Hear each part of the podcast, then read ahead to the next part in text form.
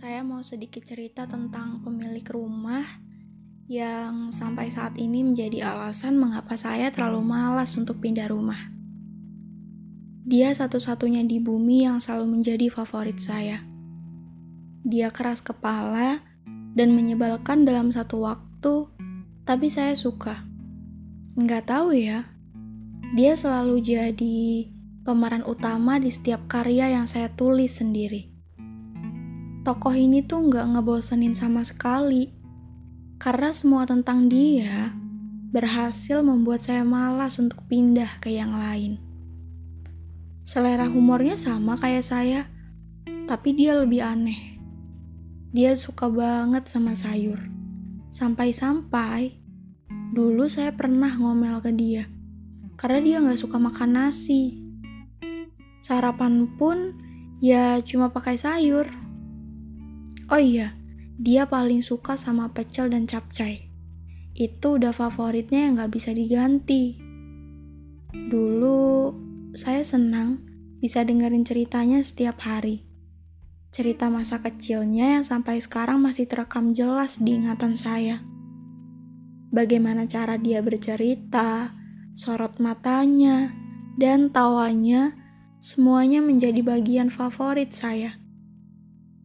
Dia apa kabar ya?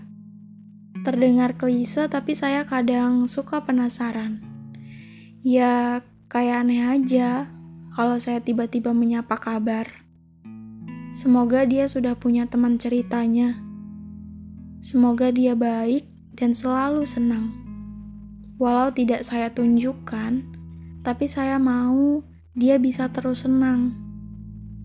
Tapi kalau misalnya dia dengerin ini, saya cuma mau bilang ke dia, jangan terlalu keras ya sama diri sendiri.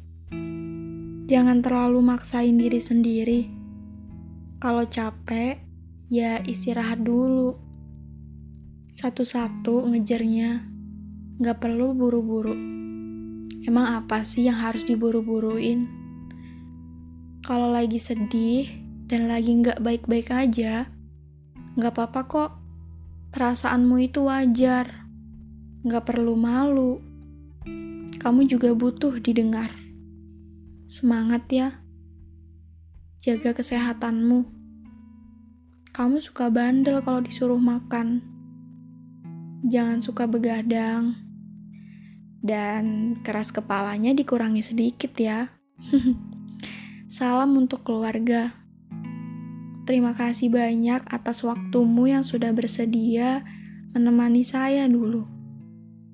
Terima kasih banyak, berkat kamu, saya sudah melalui proses yang sangat panjang untuk belajar.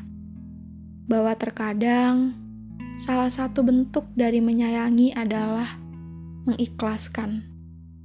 Dan melepasmu adalah cara terbaik untuk menyembuhkan luka.